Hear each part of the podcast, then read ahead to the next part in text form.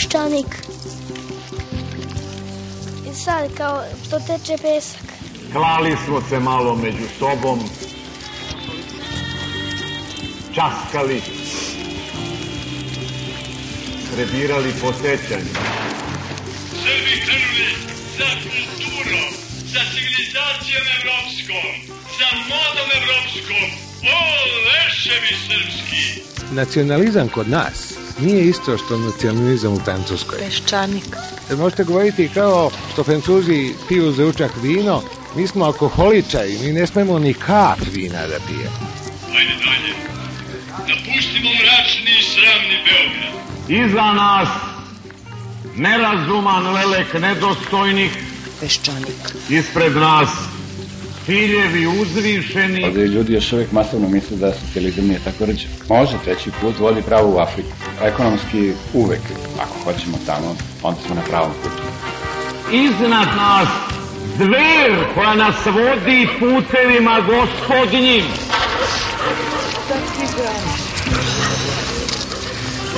Ne može to tako kako ti zamisli. Peščanik. Možete da još i premijer i, i Vito Corleone. Mislim, to što će ovaj dode ne treba nikom mnogo da se nauči na tim. On je loše odigrao, nije umeo da igra, nije, on nije pravi politički borec. I dugo smo, dugo još putovali. Dakle, mi smo izgubili 5. oktobar, da tako kažem. Nepredviđeno. Na televiziji vidim da se i rezultat drugog svjetskog rata promenio. Ugleda smo u bistroj vodi naša lica. Prema tome, ja očekujem da će Srbija krenuti u nešto novo tek kad pobedi Turke na Kosovo. Iznenada priznu smo u plaću. Peščanik. Dobar dan. Ne znam da li ste prime- primetili, premijer nam je postao još prgaviji, još arogantniji. Nadam se samo zato što ga boli ona noga, a moguće je da je postao takav dakle, samouverenije, ako je to još moguće, posle odlaska u zatvor dvojice političkih protivnika. Šešelj u pravom zatvoru, a Koštunica se odlaskom sa mesta predsednika vraća u svoj stari, dragi, ušuškani kućni pritvor iz koga je nakratko izašao 5. oktobra. Zoran Đinđić je pre neki dan rekao da neće da pominje sudstvo, lep je i sunčan dan i on ne bi da ga kvari. Sudstvo mu se toliko zgadilo da ne može ni da ga pomene, ali zato je tog istog dana bio tužan što ne može da ode na proslavu komercijalne banke. U telegramu izvinjenje je pisalo Boravak u društvu uspešnih za mene je uvek predstavljalo zadovoljstvo. Među uspešnim akcionarima komercijalne banke su i njegovi karići, kojima je, posle plaćanja ekstra profita, ostala neka crkavica od kojih su odvojili 10 miliona evra i kupili da se nađu, leba ne traže, akcije komercijalne banke. Da se vratim na objavu rata sudstvu ili, kako je to rekao sudija Ivošević, sa čekušu koju izvršna vlast postavlja sudstvu. Vladan Batić, jedan od šefova futbolskog kluba Radnički iz Obenovca, redovni pisac pisama Karli Del Ponte, aktivista borbe za nezavisnu Srbiju, odličan plesač klasičnih igara, glavni glumac Pinkove skrivene kamere, uvijek nađe malo vremena da bude i ministar pravde. A kad se to desi, najčešće se radi o pozivu sudijama da se samo lustriraju, da im on ne dođe. Došao im ih ovih dana, poslao ga je besni šef. Ajde da se vratimo samo na čas na vreme neposredno posle 5. oktobra. Sve je počelo kako treba. Ministar Batić je pozvao najbolje stručnjake koji imamo da naprave predlog reforme pravosuđa. Oni su taj poziv ozbiljno shvatili i uradili svoj posao. U tom predlogu zakona postojala je i odredba o lustraciji. Ali, gle čuda, Koštunici i njegovom DSS-u se lustracija nije dopala, jer tek su počeli da se pune ljudima iz bivšeg režima i nije ih trebalo plašiti. DSS je rekao Đinđiću, ako hoćeš da podržim tvoj zakon o radu, ti prihvati naš predlog o sustvu, a tamo, boga mi, neće biti lustracije. Batić, koji sada penušao lustraciji, tada, kada je njegov šef trgovao sa Koštunicom, nije ni beknuo. Zakoni su doneti i pored niza manjkavosti, oni su ipak omogućavali mnogo veću nezavisnost i samostalnost sudova od političara. Ali opet, gle, samo posle nekoliko meseci vlada menja neke delove zakona kojim sudstvo ponovo čini zavisnim od sebe. I Đinjiću je zatrebalo. Vrhovni sud Srbije se zbog toga žali Ustavnom sudu. Ustavni sud to prihvata, odnosno zamrzava zakone. Duet Đinđić-Batić ne mari za odluku nekog glupovog suda, nego pojačavaju napad na sudstvo. I kao kec na deset dolazi im Milanovićevo bekstvo i slučaj prvo nesavesnog vozača, a dan posle opasnog atentatora na premijera. Slika nam se sada namerno muti i red je da je malo razdvojimo. Jesmo, Besni smo zbog očigledno pogrešne procene sudije da pusti Milanovića. Nije nam jasno kako je za učešće u atentatu na Ibarskoj magistrali Rade Marković dobio samo 7 godina zatvora. Šta je u stvari sa ovim bagzijem? Sudstvo će morati time da se pozabavi kao i činjenicom da uprko svemu, pre svega nedostatku zakona o lustraciji, nije uspelo da se izbori sa Miloševićim sudijama. Ali, ali premijer i njegov ministar pravde ne mogu to da koriste da bi nam skrenuli pažnju sa svog pokušaja da sudstvo kao takvo učine svojim servisom. Jer ako njih dvojice to uspeju, onda neće toliko idiotski zvučati izjava Miloševićevog ministra pravde Aranđela Markićevića da će njegovo vreme biti zapamćeno kao periklovo dobra pravosuđa. Batić se sada raspojasao i traži opštu ilustraciju u sudstvu, kao marš napolje svi Miloševićevi sudije, a kako zakona o lustraciji nema, valjda će on sam da pravi spiskove. Ako hoće da demonstrira kako opšta ilustracija izgleda, neka Batić počne da se vežba na svojoj stranci, neka napravi spisak i kaže marš bre, svi koji ste došli moju partiju, na primjer iz Srpske radikalne stranke. I evo, prekjuče su se za istim stolom našle sudije i ministar Batić. Trebalo da se razgovara o reformi pravosuđa, lepo je zamišljeno, ali se nije lepo završilo. Posle izlaganja predsjednice Vrhovnog suda, gospođe Leposove Karamarković, ministar Batić nije imao šta da kaže, ni njoj, ni sudijama, a ni stranim posmatračima, nego je izletao iz sale i dao izjavu novinarima. Za mene je bitno da imam nepodeljenu jednoglasnu podršku vlade Republike Srbije, apsolutnu svu moguću podršku premijera i podršku preko 95% sudije u Srbiji. U ponedeljak u Kažipestu radio B92 čućete komentare sudija o slučaju Milanović, a za danas smo vam samo kratko pripremili, odnosno izdvojili priču o puštanju na slobodu navodnog atentatora na Đinđića i ilustraciju u sudstvu. Govore predsednica Vrhovnog i predsednik Ustavnog suda Leposava Kramarković i Slobodan Vučetić. Najpre o Bagziju. Oni takve papire nisu podneli sudu. Možda nisu imali argumenta. Ne kažem da su morali, možda nisu imali u tom trenutku argumente, ali sud nije imao argumente da zadrži toga gospodina u pritvoru, ali zato su političari našli za potrebno da optuže sud što je potpuno neosnovano. Ono što je do suda došlo, to je bila krivična prijava za krivično delo oduzimanja vozila. Praktično ono što je sastavila saobraćajna policija. Posle toga je samo dodato da se radi o falsifikatu. Kada je sud odlučivao po žalbi na rešenje o određivanju pritvora, on je imao pred sobom potencijalnog falsifikatora ili nekoga koji je oduzeo vozilo. Ni traga tada nije bilo, ne u spisima, nego ni u primisli da se radi o nekom opasnom zlikovcu koji je pokušao atentat na premijera. Tek kada je on pušten i kad je odlučeno, onda je došlo do isticanja da se radi o atentatoru. Ne može sud da osluškuje javnost. Sud sudi na osnovu zakona, a na osnovu krivične prijave koja je pred njim. Sada stvaranje utiska u javnosti da je sud pred sobom imao teškog atentatora, koga je pustio na slobodu, stvara u javnosti utisak da taj sud zaista radi protiv opšte bezbednosti građana. Međutim, to nije tačno.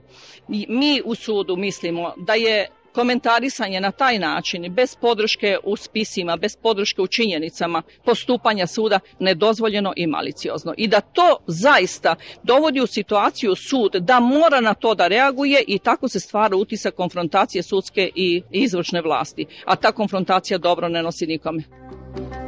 Za mene je bitno da imam apsolutnu svu moguću podršku premijera zaista u okviru ustava i zakona ovlašćenja koja dobija ministar, naravno, mi ćemo poštovati, ali preko te mere doći ćemo ponovo u situaciju u kojoj smo bili da se obraćamo Ustavnom sudu. To nama ne treba. Jer vi znate šta smo mi dobili sa obraćanjem Ustavnom sudu. Dobili smo potpunu blokadu celog sistema. Mi od jula prošle godine praktično u redovnim okolnostima ne funkcionišemo. Nama veliko personalno veće ne funkcioniše. Pazite, s jedne strane zagovaranje da se pročisti pravosuđe od neradnika i nekvalifikovanih ljudi, a s druge strane potpuna blokada tela koje treba da ustanovi postojanje tih uslova za razrešenje. Veliko personalno veće od jula prošle godine ne radi. Lustracija u kojoj se govori stalno i preti nije dobra lustracija. Lustracijom ne treba pretiti, lustraciju treba izvršiti. Pretnja lustracijom ima kontraefekat. S jedne strane, ljude čini nesigurnim, sudije osjećaju strah, ne znaju šta je to jer nema propisa koji određuje pravila za lustraciju s jedne strane, a s druge strane ruši autoritet institucije. Sad smo imali slučaj da je jedan direktor sudsku odluku pred kolektivom, sudsku odluku kojim je njemu nešto naloženo, pocepao i rekao kakvo nam je pravosuđe, takva i sudska odluka. Mi ne smemo da dozvolimo da bilo ko na bilo koji način dovodi u pitanje instituciju. Mi smo zatekli pravosuđe zaista u ritama, činimo ogromne napore da u što kraćem roku to pravosuđe postane kredibilno, da postane odgovorno, da postane stručno. Činimo ogromne napore koji nisu laki, mi imamo 2600 sudija, od toga imamo mnogo mladih, jedan deo, pretežni deo sudije u ovoj vlasti izabran, mi ne možemo da snosimo posledice ni nedovoljne obučenosti, ni mladosti, ni lošeg izbora. Ja smatram da su svi, ne samo ljudi koji vode pravosuđe, ozbiljni i odgovorni ljudi iz obe vlasti dužni da podrže te napore pravosuđa, da učine da ta institucija pravosudna bude poštovana. Mi u pravosuđu bez poštovanja javnosti ne možemo da opstanemo.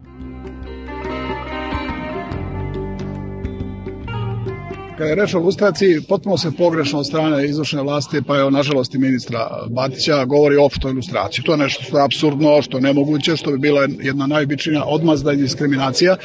To je bila odmazda prema svim sudijama koje u najvećem broju savjesno vrši svoj posao. Lustracija podrazumeva, to je skup normi kojima se na osnovu zakona utvrđuje pravna i moralna odgovornost za one nosioce javne funkcija koji su grubo prekršili ustavom garantovana ljudska prava. Znači, ona mora biti, ilustracija mera koja mora biti sprovedena na osnovu zakona, koji utvrđuje uslove, kriterijume, procedure, organe koji utvrđuju konkretnu odgovornost, ali individualno i uvek, i ponavljam, individualnu odgovornost, to je ilustracija koja nije nigde srećno i uspešno završena, ali je imala određene efekte.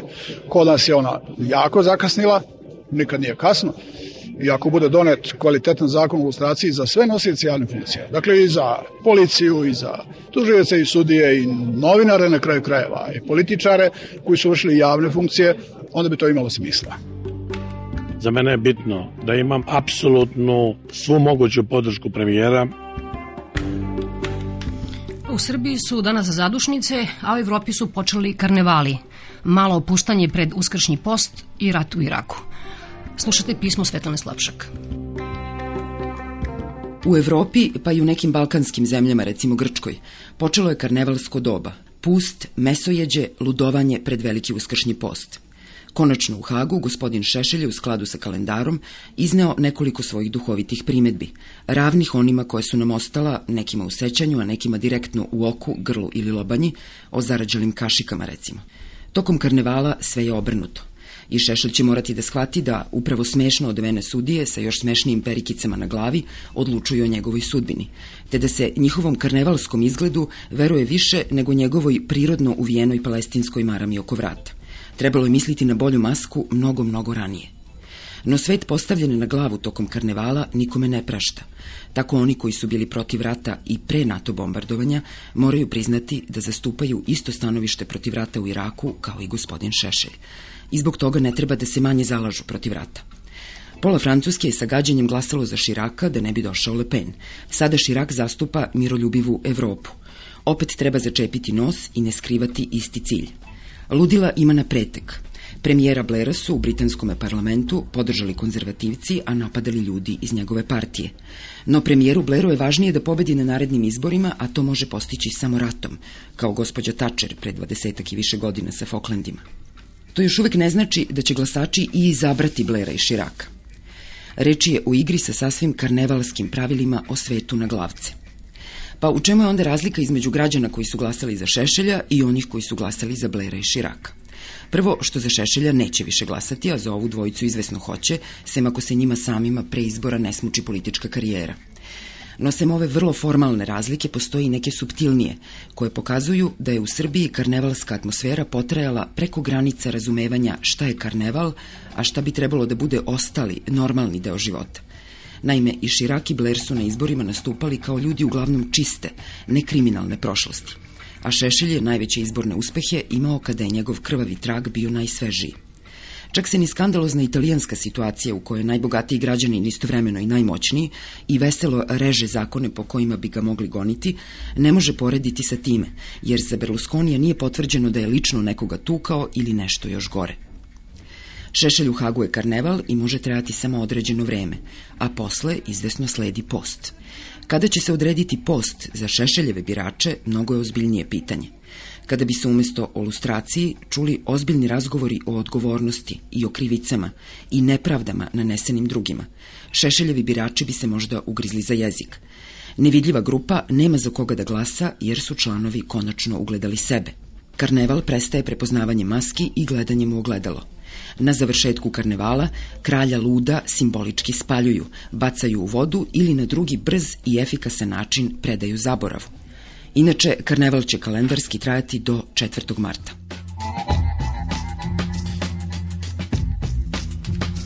bilo pismo Svetlane Slapšak, a sada ćete čuti gospodina Miljenka Deretu, on je predsjednik građanskih e, inicijativa i inicijator stvaranja Federacije nevladinih organizacija. A, a i njihov prvi predlog novim vlastima, odnosno neka vrsta ponude pomoći, biće predlog zakona o hendikepiranima. Sa gospodinom Deretom smo takođe počeli priču Vojislav Šešelj. Mi ćemo proslaviti odlazak predsjednika radikalne stranke u, u Hag. Nećemo otvarati šampanjac jer to naprosto nije taj nivo, nego ćemo otići na jednu normalnu večeru u čast, kako bih rekao, ili u slavu oni koji su to tražili još od 91. godine da se Šešelj onemogući u izboru na Rakovici, ja pamtim to. Što se tiče njegovog nastupa juče, to je kao amaterska predstava u Royal Albert Hallu u Londonu, kad ljudi gledaju s nevericom da neko veruje da je to što govori ozbiljno.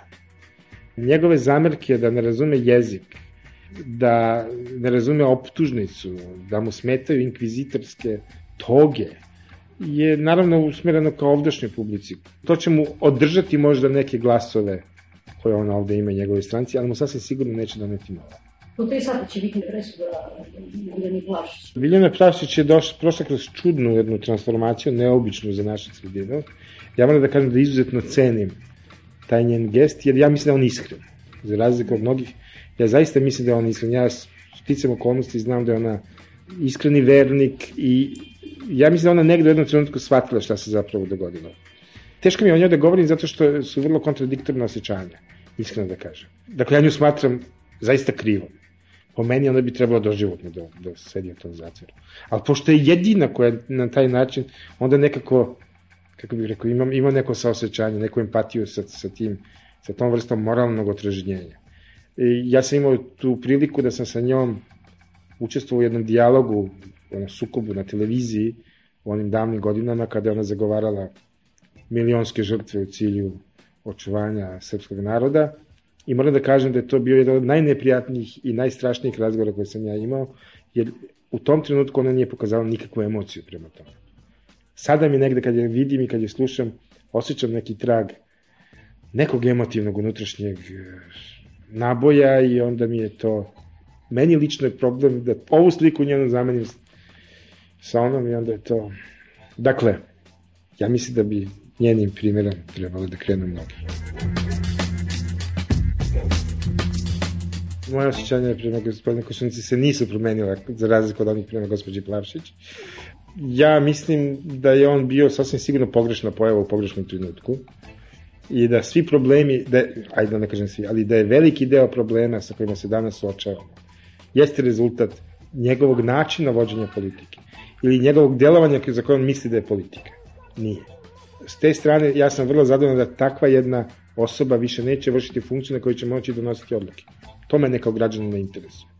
Znači, u tom smislu ja sam apsolutno zadovoljan činjenicom da on kao političar nema taj uticaj koji je, koji je imao i znajući naš narod, ja mislim da, da on, ne bih ja rekao da će to biti jedan brzi proces, da će on preko noći sad nestati iz političkog života, ali mislim da sasvim sigurno je pokazao da je nije neko za koga, u koga vredi investirati nade.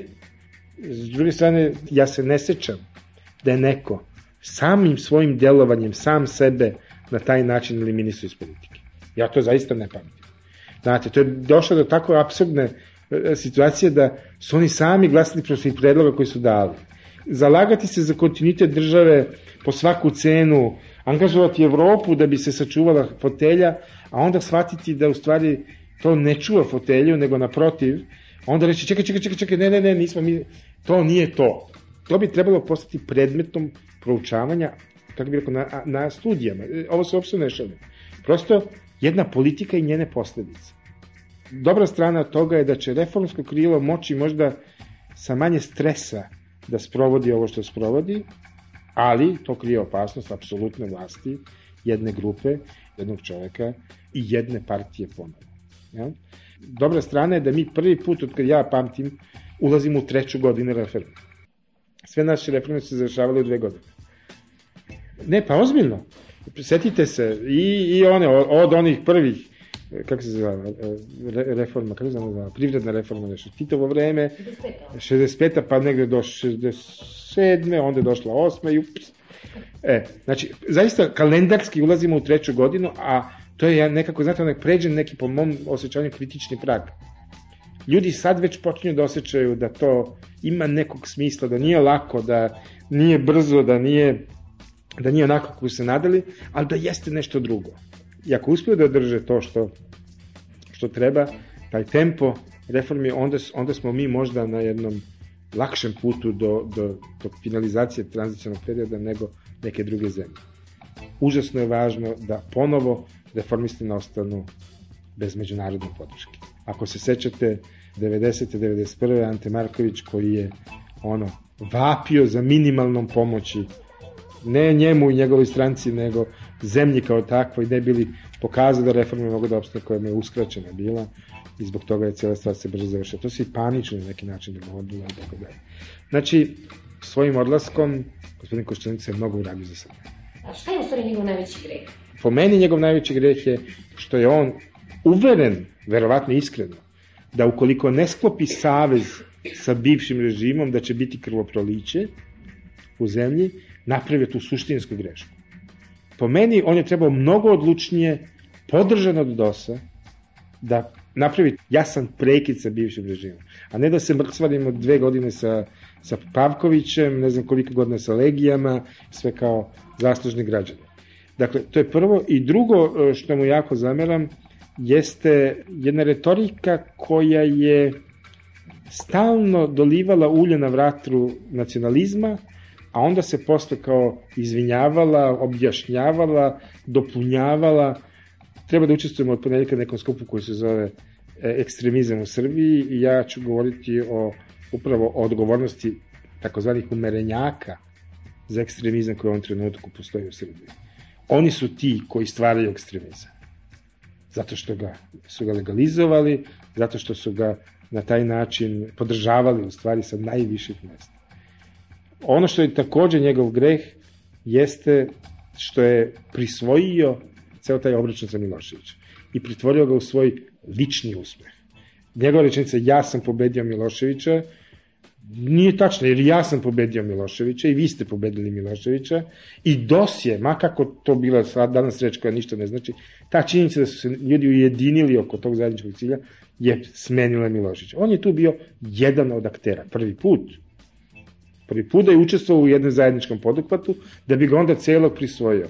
Znate, to meni ne govori dobre stvari o tim ljudima. I treća stvar koju mu obzbiljno zameram kao predsjedniku stranke, funkcije koje se nije odrekao, trebalo je, jeste što je njegova stranka direktno obstruirala rad Skupštine. Što govori da, da su neki njihovi, ta principijelnost, nazovi principijelnost i neki njihovi interesi bili jači od interesa države. I zbog njih je u protekle godine, ja sam bio zaprepašćen, da li vi znate da u protekle godine izglasano samo 10 zakona? Naspravo, ne znam, je 130 u prvoj godini. samo 10 zakona.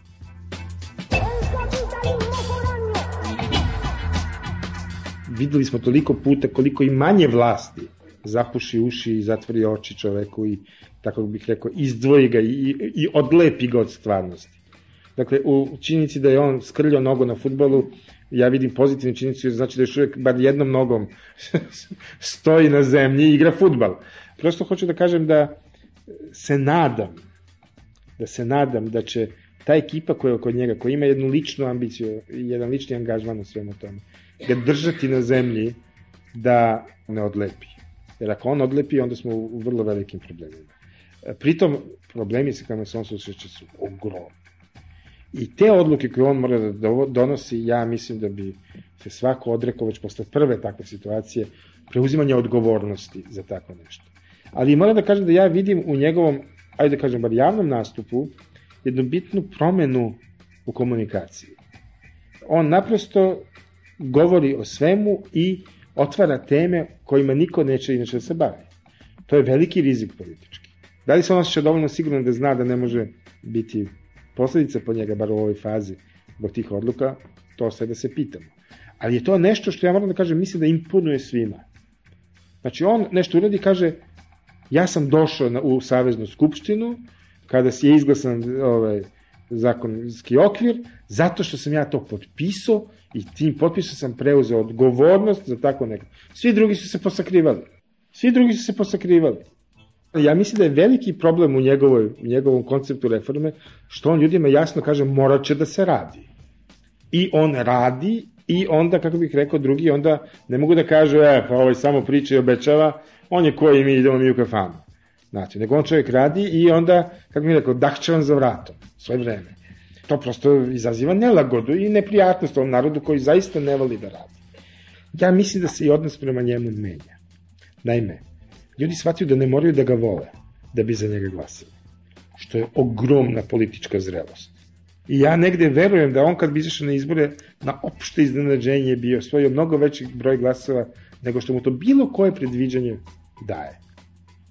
On bi rekao, evo do sad sam uradio to, dajte mi još šansu da uradim to i to. Mislim da bi ga ljudi o tome podržali. Jer znaju da ovo sve drugo je bila mlačenje prazne slame, po principu da treba da se izgrade putevi i treba da se modernizuje naša privreda i treba da se, ne znam, nije obezbedi posao za tekstilce. Znači, odijum prema njemu je bio zato što je on prvo beskompromisan, s jedne strane, hladno pragmatičan. On prosto ima tu jednu tvrdoću koja, koja je suprotna Al Pacino pogledu toplom. Drugo, negde se ne stidi ni svog znanja, ni svog uspeha i ne boji se da rizikuje. Ja mislim da je to izuzetno važno. Bio gospodin Miljenko Dereta, sada ćete čuti profesora Filozofskog fakulteta, sociologa Mladena Lazića. Ja moram da kažem intimno da je meni drago da se makar i na ovaj način ovaj Šešelj uklonio s političke scene, jer mislim da je on dosta trovao tu scenu na jedan način koji je nepovratnog tipa. Dakle, onu vrstu kvarenja demokratije koju je on unosio, to kvarenje je nepopravljivo. Sve je bilo podložno apsolutnom valjanju u blato, a onda su sve, mogu, sve je onda moguće. Dakle, onda stanovništvo se uči da nema vrednosti za koje se može stati i da se sve mogu odbaciti. Kažem, vrednosti idu od pristojnosti do ljudskog života. Jednostavno, ovo je jedna vrsta fizičke eliminacije koji su neki drugi imali sreću da im se dogodi ranije kao Hrvati, a mi imamo sada i mene, mene to raduje prosto kad već mi nismo dovoljno zreli da to uradimo na neki pristojan način, onda eto neko drugi morao da odradi taj prljav posao za nas, u ovom slučaju je to Hag. Mislim, s te strane mislim da je to dobro i ja mislim lično da se radikalna stranka više na taj način neće moći voditi i neće moći održati svoje glasače za duže vreme. Možda da, za, dok, dok je uspomena, tako kažem, živa, ali ne za duže vreme. Što se tiče sad toga da li nestaje i Koštunica, mislim da je za njega bilo jako važno u našoj sredini da ima neki formalni položaj. Dakle, on je čovjek koji nema razvijenu svakodnevnu aktivnost, čovjek kojeg u javnim očima održava pre svega formalni položaj, ne, ne njegova energija. S tog stanovišta verovatno da je njegovo povlačenje sa formalnog položaja znači ozbiljan udarac za stranku, pa onda i za celu tu političku grupaciju. Ali s druge strane ima jedna stvar koja je Koštuničina prednost. Dakle, na javnom položaju on najviše ispoljava sve svoje mane. Onda kad je u pozadini, onda njegove stvarne ili prividne dobre osobine izgledaju privlačno za, ili mogu izgledati privlačno za publiku. Dakle, drugim rečima, on će izgubiti moć koja je bila značajan sakupljač glasova, simpatija i tako dalje u našem autoritarnom stanovništvu, ali će s druge strane dobiti zaklon, senku, koja se pokazala kao njegova najbolja odskočna daska i unutar koje će možda jedan deo njegovih razočaranih pristalica ponovo naći neke njegove stare zavodničke elemente. Dakle, s obzirom da je njegovo prisustvo na sceni rezultiralo snažnim opadanjem njegove popularnosti, možda je ovo za njega lično najbolji trenutak da se skloni sa te javne scene i da pokuša da se prikupi u senci, ali naravno kad jedan čovjek uđe u senku ne zna da li će iz nje izaći ili neće. E sad, šta je, šta je opasno, ajmo tako da kažemo, šta je opasno kod Đinđića? Opasno kod Đinđića je ne to što je on prejak, nego to što je preslab. Đinđić nema dovoljno jako vlastito uporište i što bi moglo biti opasno šta bi dakle iz te slabosti moglo da se uradi. Međutim rekao sam ja, ja lično uopšte ne vidim načina, ne vidim mehanizme pomoću kojih bi Đinđić mogao da radi nasuprot osnovnim demokratskim procedurama najosnovnijima to je pre svega to su pre svega izbori. Dakle ja mislim da će Đinđić izaći na izbore i da će na tim izborima biti sveden na svoju realnu političku težinu jedan od najdramatičnijih problema je rešen. Privremeno barem, ali toliko da neće morati da, e, da bude u središtu pažnje, to je ovo odnos sa Crnom Gorom. Dakle, to se sklanja uh, izvan neposredne političke agende, barem neće biti agenda za izbore. Drugi takav problem je, i Đinđić u stvari pokušava da napravi takav problem, to je Kosovo. Podići sada Kosovo kao problem nema samo svrhu da premijera prikaže u svetlu onog koji brine za srpska pitanja, dakle da privuče jedan deo fluktuirajućih glasača e, iz kruga ovih zabrinutih ili ostrašćenih ili kako se god hoće. Ja mislim da je njegova, barem jednako tako važna svrha, podići temperaturu. Podići temperaturu jer samo u kombinaciji podizanja temperature i spasioca može da se iskoristi nešto za sebe. Dakle, u nedostatku krupnog, ja mislim, se pravi ta priča, jer je krupno važno za izbore, važno je za privlačenje ljudi na izborima. A inače, kada ne bi toga bilo, ispolo bi da se bavimo u stvari uglavnom svakodnevnim stvarima koje označavaju relativnu stabilizaciju. Dakle, ja mislim da u principu jeste postignuta stabilizacija i politička, to su sada teškoće, da tako kažem, reprodukcije jednog sistema, a ne pitanja sloma sistema ili zamene jednog sistema drugim. Zašto je proces transformacije lakše izveden u nizu srednjoevropskih i istočnoevropskih zemalja? Jednostavno zato što za njih priča o tranziciji nije bila samo priča o kapitalizmu, nego je bila priča i o nacionalnom oslobođenju. Sa idejom o tome da se Rusi, ruska armija i tako dalje izbaci iz vlastite zemlje, svaki kapitalizam je mogao relativno lako da, da prođe. Dakle, ljudi su živeli loše zato što im je zemlja bila pod tuđom vlašću, ideja da će sve to da se promeni. Ta ideja je sama po sebi bila dovoljna da kompletno stanovništvo i skoro kompletno stanovništvo bude za reforme. Mi nastupamo u trenutku kada prvo vidimo gubitnike tamo, vidimo da tranzicija ne znači da je svima bolje, nego da je nekima bolje, nekima isto, nekima gore. Mi se u transformaciji ne oslobađamo, naprotiv, od nas se oslobađaju, dakle mi se u političkom smislu nemamo šta da dobijemo kao što su oni, Treće, mi imamo jedan sistem koji je bio sasvim drugčiji, dakle nije bio nametno s polja, bio autokton socijalistički sistem, on jeste štitio neke slojeve stanovništva i zbog toga je bio prihvaćen. Mi znamo da nam je bilo jako loše, ali nemamo vremena jer nemamo mogućnosti da čekamo da nam bude bolje. Dakle, mi hoćemo da nam bude bolje ovde i sada, jer nam je predugo bilo samo loše. Dakle, naša elita ne da nema vremena za greške, nego ona nema vremena ni za sporo poboljšanje, a nema sredstava da, da to poboljšanje učini drugim. E šta bi bilo sredstvo protiv takve situacije?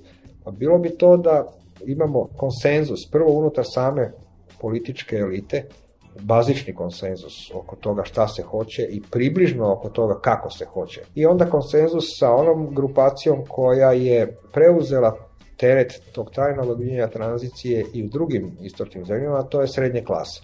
Dakle, u, u srednjoj Evropi postoji taj savez, da tako kažem, elite za promene i značajnih delova srednje klase.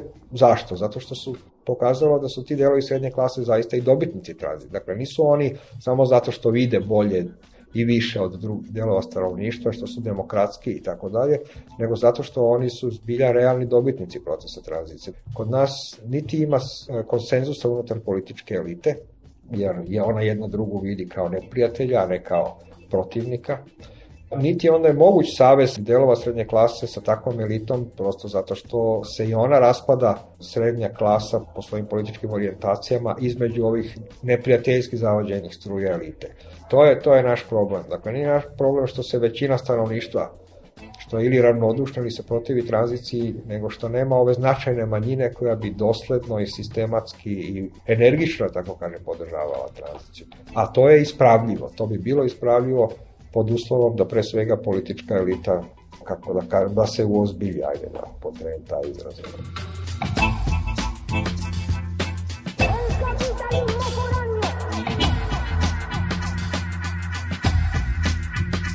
najgora stvar po meni koja se dogodila u posljednje vreme na takvom planu, a to je ipak plana svakodnevice, to je onaj čuveni Pinkovska sedeljka trojice predstavnika političke elite. Mislim da je ona pokazala svu bedu ovaj, te, te naše političke elite, to da oni smatraju da je biti pristojan nešto što se radi javno, to jest u medijima, a, i da, da se to može bitno razlikovati od onog što radimo privatno. To znači u kafani jedemo vijuškom i nožema, a kod kuće e, jedemo rukama i na podu. To je otprilike nivo koji su oni uveli, ne, ne da su ga demonstrirali na samoj sceni, nego su pokušali posle da to predstave kao pravilo ponašanja. Užas, to je, to je nešto, ali mislim to me je iznerviralo kao što vi kažete, ali me nije iznenadilo, nisam ni imao bolje mišljenje, ali moram da priznam da kad sam video demonstraciju toga u brutalnom vidu, da sam postao dosta nespokojniji nego što sam pre bio. I druga je stvar, mislim, ono što bi me stvarno jako zabrinulo mnogo više, to je kada to ponašanje ne bi bilo kažnjeno tamo gde, gde bi moralo biti, a to je na izborima. Dakle, ako ljudi koji su tada se ponašali na ovaj način ne dožive sada kaznu, znamo da ranije nisu, znamo da Šešelj za iste stvari nije doživljavao kaznu, ali je sad pitanje da li će ovi koji su računali na drugu vrstu glasača, ne na Šešeljevi, dakle da li će oni biti kažnjeni, po mom mišljenju, bi morali, inače stvar zaista zabrinjavajuća. bio je ovo Mladen Lazić, a sada će govoriti novinar vremena Miloš Vasić, čovek koji negde od 69. godine pokušava da razume odnos tajnih službi i vlasti.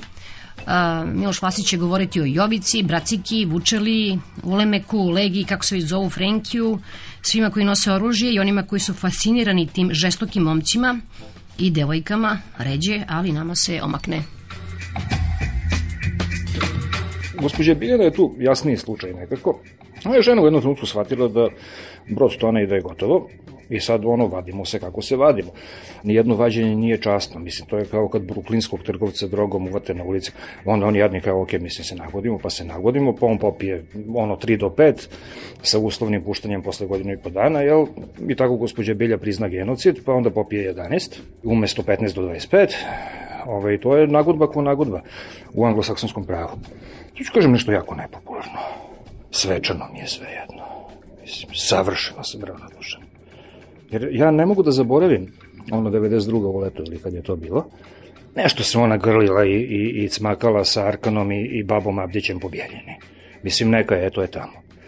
Ali e, priče da sve i da nas 6 miliona Srba izgine, pa da ostalih 6 miliona jeli budu veliki pobednici i tako dalje, Dakle, o kojih 6 miliona Srba je reč. Sigurno nije o njoj Slobi Miloševiću, Radovanu, Ratku, Krajišniku, Mili Martiću i ne znam već.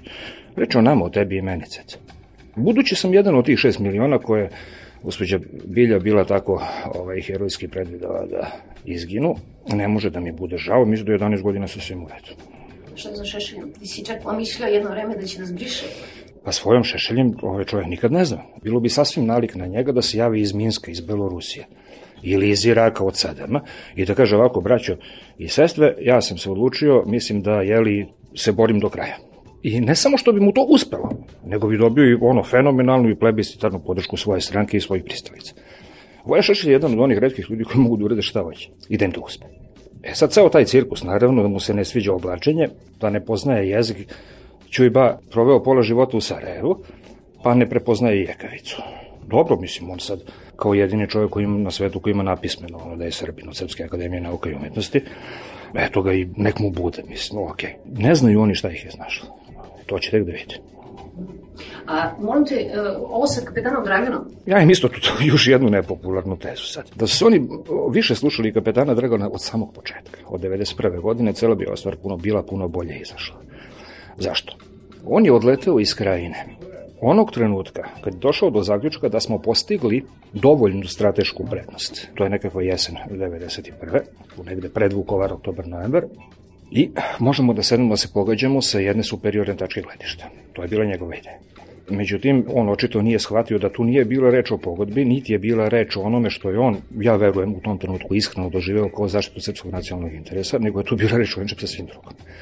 Onda su mu se ljubazno zahvalili i manje ljubazno su ga još utirali napolje. Odatle. E sad, on kao jedan takav racionalan čovjek koji je završio jednu veoma dobru školu rezervnih oficira u Melbourneu, se nađe u, u, u tom Hagu, duboko iznenađen kao i svimi tim čuvenim, ako se zove kućni video, jel? on se čovjek iznenadi i naravno reaguje svojim tim nekim operativno-taktičkim instinktom koja je veoma dobar. I počinje da se bavi tu na licu mesta kontrolom štete. Bolje bi mu bilo da nije sa Frenkijem razgovarao telefonom te večeri. Ja ne znam šta su njih dvojica pričali, ali otprilike mogu da nagađam. Jer se i ovaj, naravno, gledajući B92 televiziju, zaprepastio podjednako. I nije bio jedini. Da su ga pustili da to uradi kako on misli da treba, cijela bi stvar bolje ispala. Strašno je važan moment da kada se događa ta proslava. Ta se proslava događa tri nedelje po žaljenje dostojnoj pogibi generala Radona Stojičića zvanog Bađa, tadašnjeg vršioca dužnosti ministra unutrašnjih poslova Srbije u kafani Mama Mija, malo dalje odavde. On je kao ministar bio praktično njihov prvi pretpostavljeni i Jovice Stanišiću i Frenkiju i Legiji i kompletnoj ekipi koja je bila tamo. Čitavoj gomili tih drugih ljudi koje uključuje pre svega Braciku Kertesa koji je jedan od otaca osnivača te jedinice. Dakle, neko ko je njima veoma blizak, jedan od njih, ako se setimo malo bađenog pogreba, tu je iscurila mnoga suza. I to vrlo važno. Tri nedelje nakon toga oni su se okupili tamo da proslavljaju i to. Možda je to moj lični utisak, nisam mogao da mu odolim iz tri vrlo pažljivo gledanja tog inače musavog i, i odvratnog snimka. Vidi se jedna pogrebna atmosfera u toj celoj priči, nekako bi većina njih volila da ih tu nema. Mislim, ali sad gde smo, tu smo, jel? Nad celim tim banketom lebdi bađin duh. Oni tu stoje i gledaju se između sebe, ispod oka i već kako se policajci gledaju, to znamo, jel? I merkaju se i misle ono, hm, da li ovaj zna nešto što ja ne znam? I ko je sledeći na redu? Ok, sledeći na redu je bio Drukunda, kako se ja dobro sećam. Onda posle još nekoliko pukovnika policije. Tu je Aca Dimitrijević, kome očigledno nije baš najugodnije što ga tu slikaju. Tu su neki kojima je pak jako prijatno što se slikaju, kao na primjer drug Vučelić, koja je nerazdvojni deo cele operacije od samog početka, to sve po bačko-palanačkoj liniji i tako dalje, jel? Znamo. I tu je Jovica, koji će za godinu i po dana otprilike odleteti takođe. Tu sad pojavljuje Sloba koji se već hoda kod da ima staklena jaja po običaju, tu nešto se ono zdravi, druži se, pušta zvukove, popije, pojede i ode. I vidi se isto tako jedna strašna želja da mislim se tu mi istaknemo pred šefom sa velikim š, kako su ga zvali, dan danas ga zovu. I tu Franko Simatović u celoj toj takvoj atmosferi pravi suštinsku grešku sa tim svojim referatom. Sad ti idi Franki u Hag pa objašnjavaj ono da mi zapravo tamo nismo ratovali nego hteli se napravimo važni prisklop. Tako da je to ono jedna tužna priča.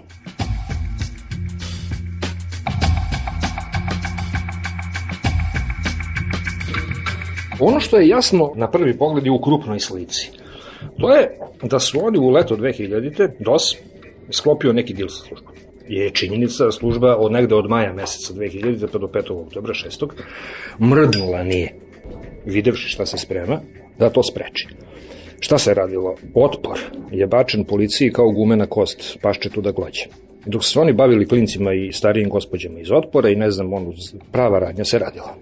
Radila se čak u tolikoj meri da je jedan dosta značajan magazin oružja MUPA bio diskretno opljačkan u jednom trenutku, jel? nekako baš tako avgusta meseca, ako se dobro sećam, pa se to kasnije kao nešto našlo, pa hm. služba je mogla, čak bez velike frke, na bazi nekog desetina intimnih informativnih razgovora neformalnih u kafiću preko peća da tu stvar razmontira, jeli? Samo suočavajući ljude sa onime što već zna o tome šta se događa i kao aj nemojte, mislim, pustite i ovaj, znajući našu opoziciju, to je bilo uspelo. Ali ne, mora se vratim na Ratu Tanića koji mi kaže telefonom, kako imate neku tu seriju telefonskih razgovora da on mene zivko iz celog sveta, on tvrdi da je negde 98. u leto se došlo do zaključka u vrhu službe, vojne i civilne, da je Sloba Milošević politički samoubica, i da je reč o pseudopatriotizmu, avanturizmu, tvrdi on, neposredno posle Dejtona su bili prvi otplike signali takvog razmišljanja da bi 98. u leto to već počelo da se pretvara polako u jednu zaveru. Milošević je nešto nanjušio 98. kada je oterao Jovicu Stanišića i Momu Perišića kao načelnika generalštaba i kada je oterao pred sam početak rata Acu Dimitrijevića kao načelnika vojne bezbednosti. Ali mu nije bilo izgleda sasvim jasno da šta je nanjušio.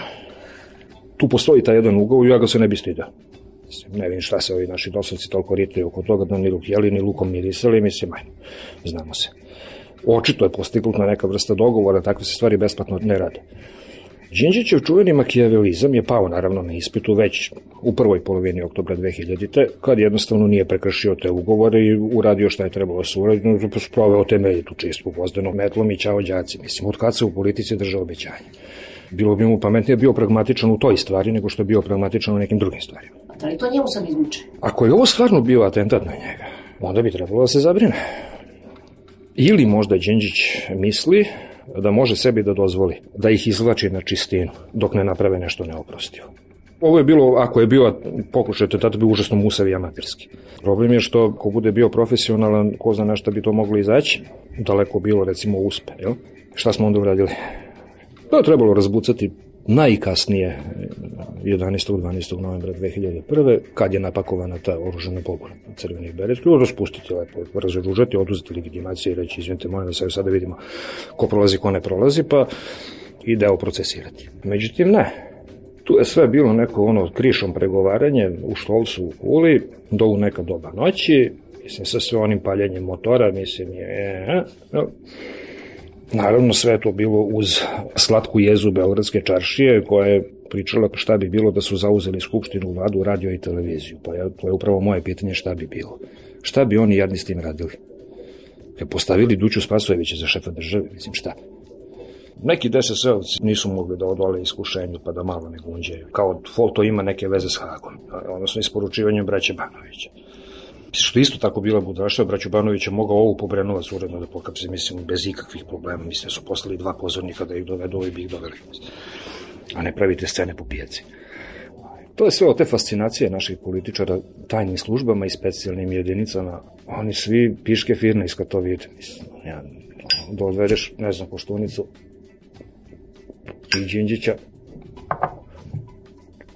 da gleda kako nekakvi momci tamo ono pucaju ne samo što pucaju, nego se ne plaše da pucaju još pogode. Aj, idi, mislim, ne znam, valjda ono da su u vojci ono bili kuvari, a nisu trčali i pucali, pa ne znam šta je. Đinđa stvarno misli da su 5. oktobra popodne Legija i tih nekakvih 50 ljudi koliko je sa njim došlo u Beograd mogli da pobiju tu nešto 500-600 iljada ljudi, mislim kao što Đinđa tvrdi da su mogli na svu sređu kada dobro je uf poljubili popa u ruku i pobegli kući. To je najobičnija pozorišna demonstracija. Kao eto. Kristo koji Nebojša Pavković, koji je sebi pokušao napravi fenomenalnu političku karijeru od toga što je sedeo na svojoj guzici nije radio ništa. U sponzorisanim medijima te podivljale frakcije državne bezbednosti i specijalnih jedinica se dan danas evo govori potpuno otvorno, pa jesmo ih zato dovodili na vlast. Pazi, čuje, oni su ih sad doveli na vlast. To sađenje tikava sa đavolom je vazda bio jedan jalov posao, to sad osjeća Đinđić vrlo jako, to je osetio Koštunica takođe, sa svojim Rajetom Markovićem i sa svojim Nebojšom Pavkovićem, da su otrali Nebojšu Pavkovića i da su apsili Rada Markovića istog dana. Mislim, ne bilo nikakvi problem. Bogu hvala ima poštenih policajaca, debejaca i oficira do mile volje u ovoj zemlji i ovom narodu. Ali ne, to je stalno neko muljanje, to je stalno kriv nož iza leđa i kako ćemo koga da zajebemo. Ako oni misle da su oni veći maheri, veći intriganti, od debejaca koji to rade celog života i od ljudi iz vojne bezbednosti koji to rade celog života i imaju posao da budu intriganti i da smišljaju što se ove podvale u podvali, mislim, ono, kao crni luk, ljuštiš, ljuštiš. Ono, tu su se jako prevarili, od njih boljih mahera nema. Čega tebi najviše frka? Meni nije frka, mislim, ali meni jednostavno polako počinje da biva dosadno da gledam kako ih ovi rade ko majmune.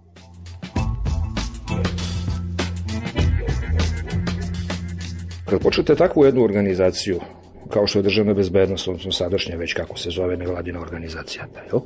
čovjek počne da je protresa, tu javljaju nezadovoljstva, resantimani, to je jako težak posao i to su traumatizovani ljudi koji imaju jednu, sad ću opet reći nešto strašno, političku bezazlenost i debejci naročito. Oni jedni, ako su pošteni, oni stvarno misle to što treba da rade što im se kaže od ozgore su tako trenirani, to je ispravno. Pa posle vidi da, da nije ispravno, onda tu nastaju frustracije, psihosomatska obolenja, prerani srčani udari, sedativi na lopate i tako dalje.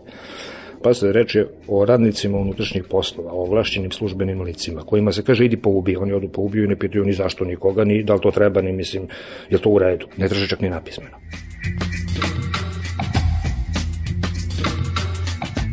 Tu očito nešto nije u redu. U odnosu izvršne vlasti i pravosuđa. Kad kažem pravosuđe, mislim i na tužilaštvo i na sude. MUP Srbije je izdao onu svoju čuvenu ko je ko u Srbiji, evo, knjižicu sa sličicama i sve, koja se zove organizovane kriminalne grupe i pojedinci u Srbiji, ali ima tu par zanimljivih podataka koji se tiču Sučine i Zamuna. Dva lika, ne mogu setim koji je koji pa neću da kažem, ali jedan ima protiv sebe 27, a drugi 50 i nešto krivičnih prijeva, svaka jedna odbačena. Jeste polako. Tu neko nekom ide uz inat, tu gospodin Batić daje razne izjave, pa ih onda i ponavlja. Naravno da i sudije koji su ljudi počinju da se vređaju i da idu u kontru, kao što se vidi u, u polemici između ministarstva i sudova, koja traje ovog trenutka. Ne znam, tu trebao bi neki hladniji malo pristup na tu temu. A to je da se ide od slučaja do slučaja, to jeste zamorno, to se strašno dugo traje. Da se vratimo na dokumentaciju, ne znam, tih 27 krivičnih prijeva ili 50 i nešto koje sam pominjao, pa da vidimo gde je tu bio problem. Da li stvarno ovi magarci nisu umeli da napišu krivičnu prijevu ili je stvarno onaj magarac dobru krivičnu prijevu bacio? Novog nesrećnog Savu Kneževića, za koga je trebalo dve godine, mislim, da se podnese optužnica, da je stvar bila potpuno očigledna, čovjek ono imao mrtve akcionare, jel? Onda ja čujem iz nekih krugova, sada ne kažem kojih, jeli, kada je bliskih vlasti, ja nemojte njega, sposoban je čovjek, mnogo napravio dobro. No, mu progledamo kroz prste, otprilike je bila ta priča, pa kad se videlo da se ne može, onda se ne može, i na kraju će ono, Savo da dopadne zatvor. Da su to presekli na licu mesta, već bi bio izašao.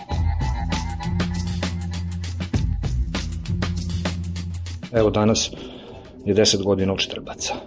I šta je ništa?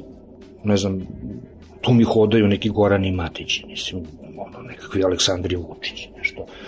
E sad tu meni sve okolo hoda, i ne samo što hoda okolo, nego se to umesto da se zavuče u mišiju rupu, pokrije ušima. Ove, ovaj, to je počelo da izgmizava ponovo ispod tog svog kamenja, mislim, i da smatra i ukazuje nešto. Mislim, ovo sam mator, mislim, nagledao sam se ja svačim. Ali, mislim, ovakvi dripci, mislim, to stvarno, onako, mislim, neukusno je, ružno je. Možda je reč o aroganciji moći, Može mi se, pa sam ga ostavio. Ono, da hoda okolo, ne znam, pravi budalaštine. Misliš da se Đinjić izgubio? Problem sa Đinjićem što je, što je hiperaktivan, što znači da je brzoplet i što znači da smandrljava. E sad tu bi morao malo da uspori i ono što je isto tako vrlo važno, sprečiti, umeriti, mislim dovesti u okvire pristojnosti tu fenomenalnu aroganciju dosovske većine u Srbijanskoj skupštini koja odbacuje amandmane ono čak i kad su najpametniji mogući. Ljudi, pa Vojan Šešelj je podnosio desetine veoma razumnih amandmana na zakone. Sedim pa gledam tu skupštinu stavno. Onda se to odbaci za bez veze potpuno. Zašto? Kad to može nam se. Jedni misle prebrzo, ovi drugi jadnici iz Demokratske stranke Srbije misle presporo. Pa ne možda imaš politički program kao mi ćemo brzo, to je jedan politički program, a drugi politički program kao pa mi ne znamo, znate, mi smo, mi smo se jako uvredili. To je politički program DSS, mi smo jako uvređeni. Znači ovaj pogled, ono, da Jančeta jadnog Mihajlova, mislim, kako je on tužan i uvređen, mislim. Da ne govorimo o, o Siroma Maršićaninu, isto tako tužan i uvređen. Mislim, čo moj prijatelj Zoran Šami, mislim, sve tužnije iz dana u dan. Mislim, ni inače nije bio takav. Izgleda da je neka zaraza kod njega.